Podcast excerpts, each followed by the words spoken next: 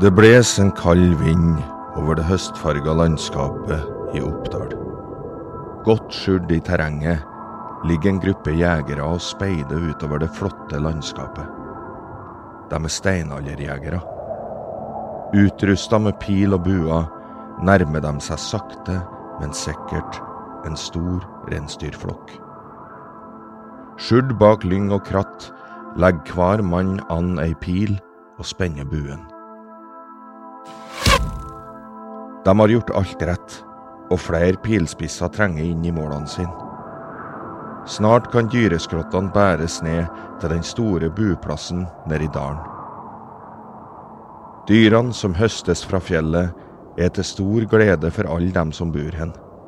Kjøttet, skinnet og beina skal snart bli til mat, klær og redskap. Nå kan vinteren komme.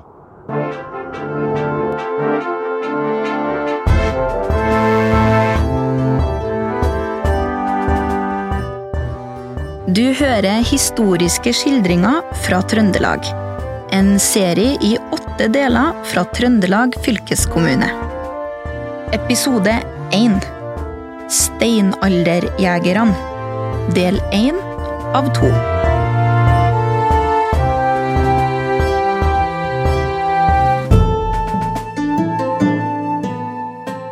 Mange, mange år senere blir det funnet rester etter steinalderjegerne, og i september 1980 kommer det en gruppe arkeologer til Oppdal. De besøker bl.a. ei seter hvor de vet det er gjort funn, og nå er de ivrige på å se om de kan finne flere ting fra fortida.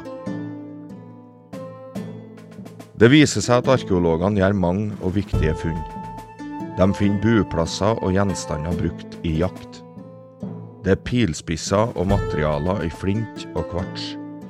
Gjenstandene ligger overalt på grus- og sandslettene. Sannsynligvis har jegerne kommet fra kysten, hvor de så har padla inn Sunndalsfjorden.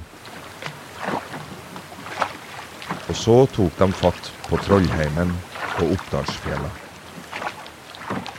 Det var således reinjegerne tok seg fram langs kysten. De padla i skinnbåter og overvintra i sjøkanten. Det arkeologene finner, er nettopp spor etter hen jegerne, som sannsynligvis var den tidligste befolkningen i Trøndelag. Siden landet har heva seg mye etter siste istid, ligger funnplassene mange meter over dagens havnivå. Og mange er òg umulig å oppdage med mindre en begynner å grove. Fra kysten flytta jegerne seg innover i landet.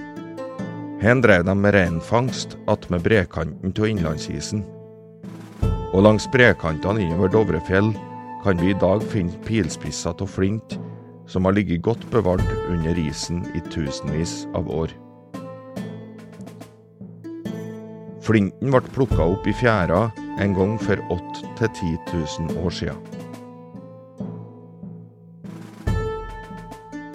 Hit kom jegerne tilbake igjen og igjen.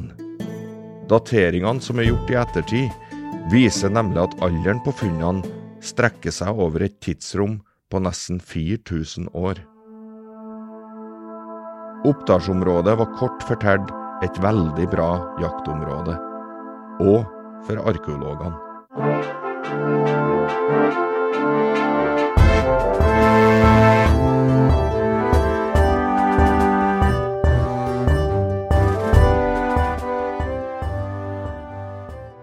Da spoler vi fram til nåtid, og med oss her i studio har vi Anne Haug og David Berg Tøddenham.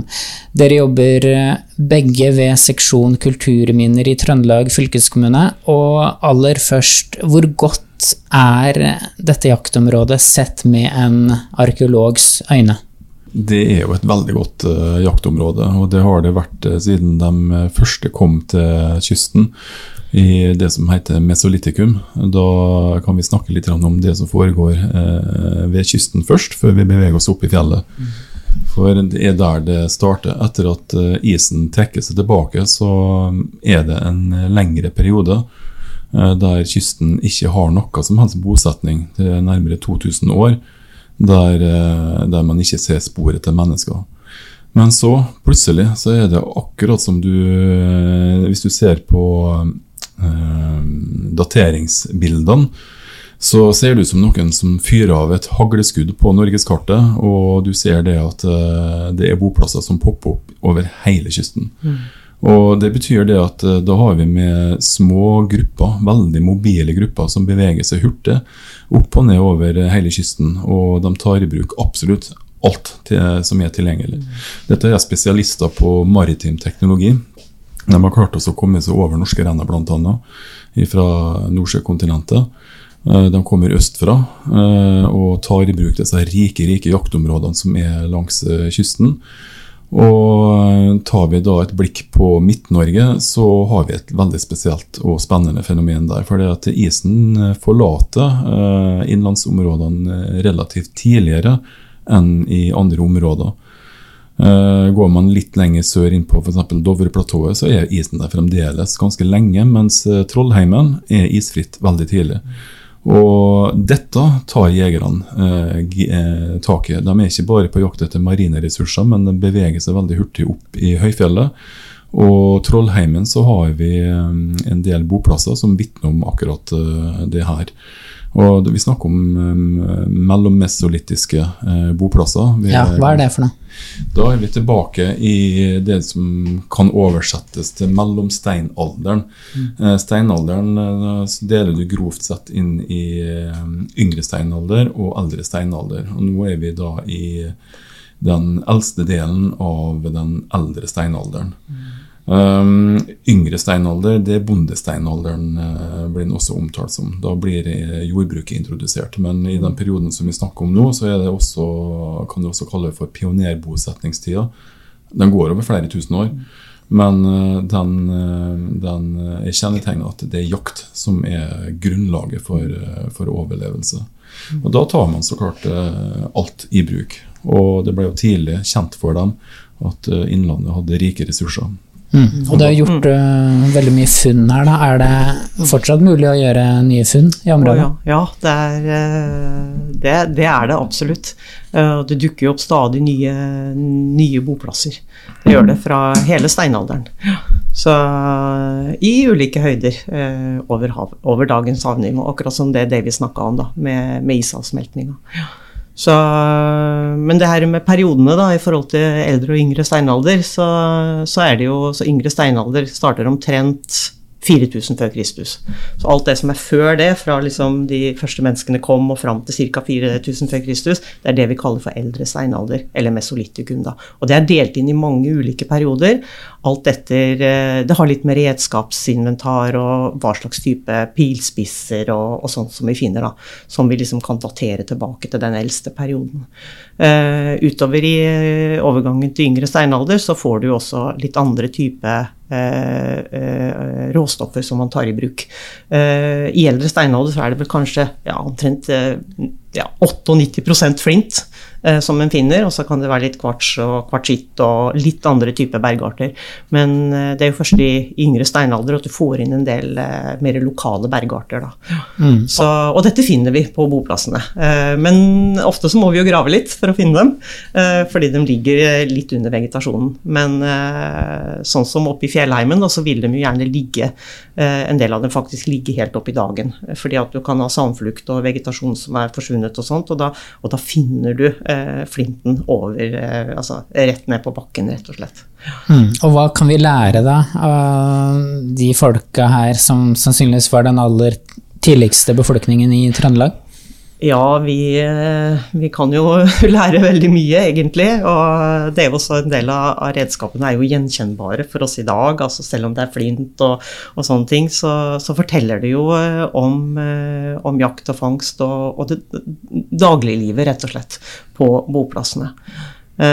Så det kan vi lære veldig mye av. Men det er klart at det, det vi finner i dag, det er jo det er jo kun steinredskapen og det som, som blir bevart. Da.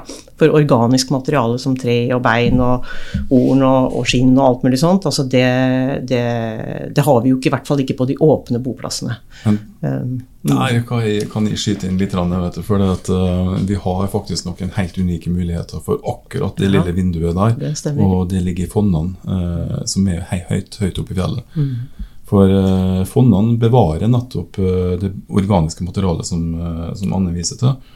Og i, i Reinheimen og inn mot Sunndalssida så er det jo bl.a. funnet tatt inn pilspisser mm. som da er laga i skjell.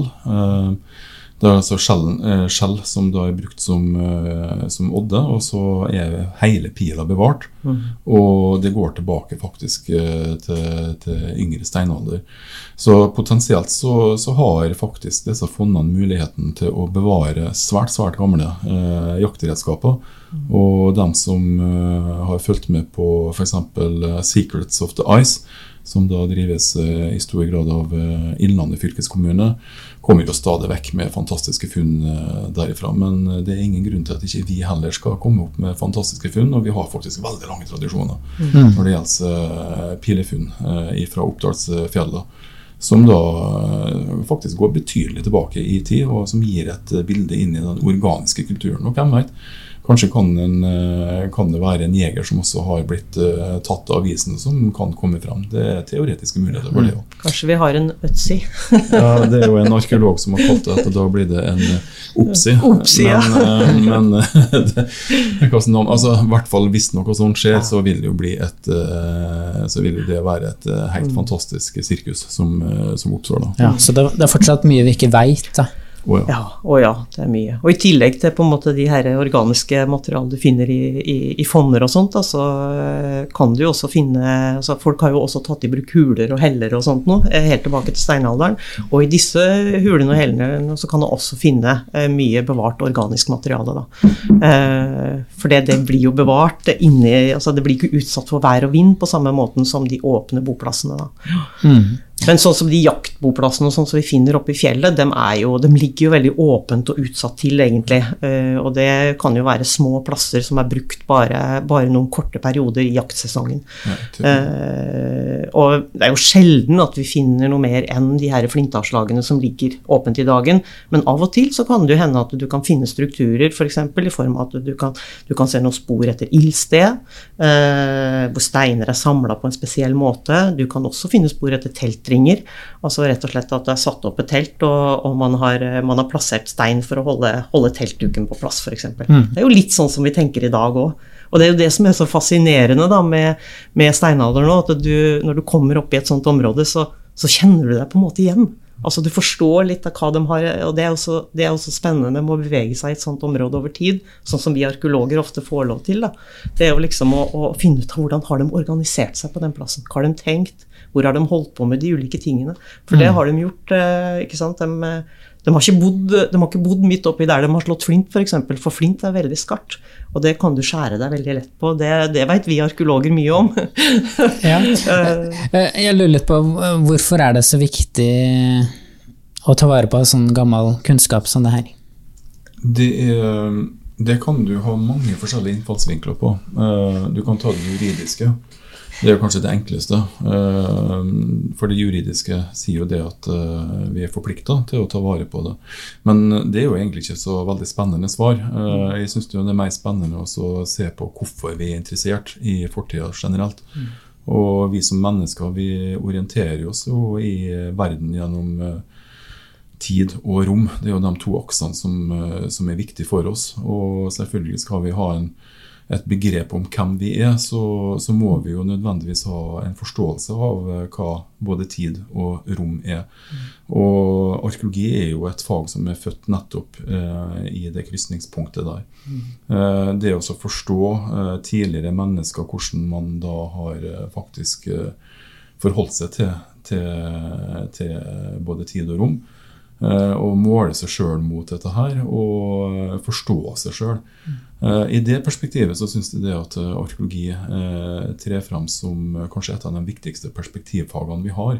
Mm. For det at det er så mye som vi kan knytte på det som er dagsaktuelt. Og det kan jo også for så vidt sies da at du kan ikke forstå fortida uten det ståstedet som du faktisk har per i dag. Mm. Så alt det vi tolker om fortida, det er jo prega av den samtida som vi står i.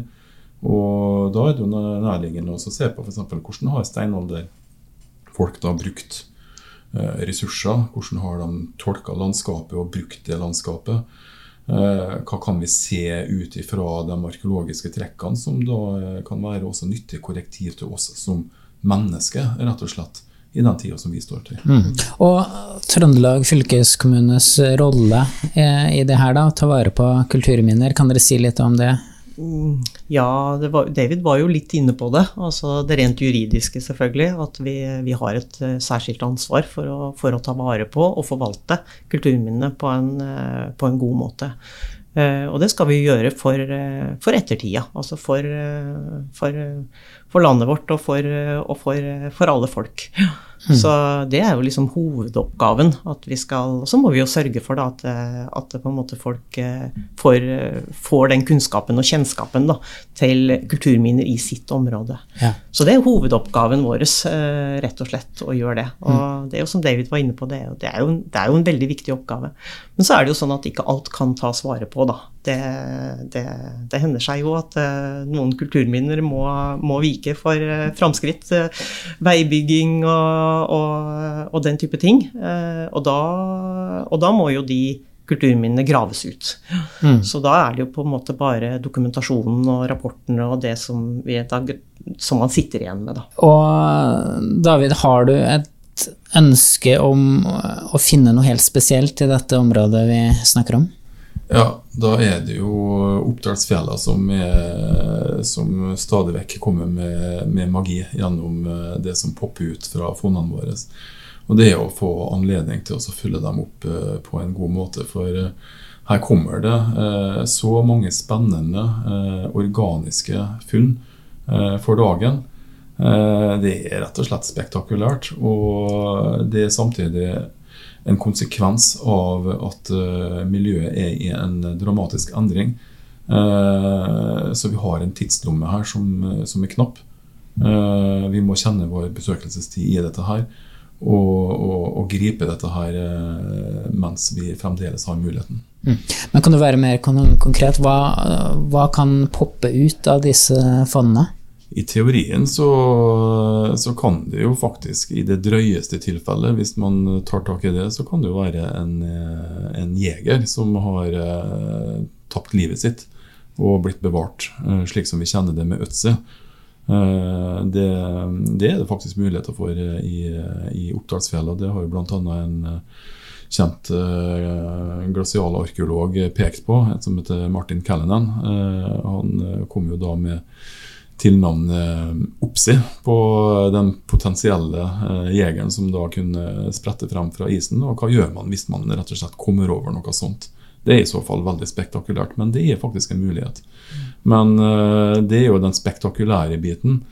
Eh, de andre tingene som kommer frem, er jo, er jo jaktredskapene som har blitt tapt over lang, lang tid. Og de er spektakulære, dem òg, fordi de gir nettopp dette organiske bildet og helhetlig, et helhetlig bilde av den eh, materielle kulturen.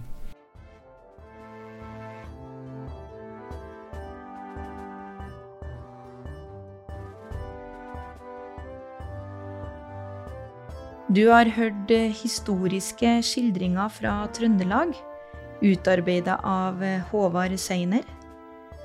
Introduksjon er lest av skuespiller Tore B. Granås. Musikk og lydlegging Kjetil Hustad. Gå til trondelagfylke.no og Fylkespodden for flere episoder.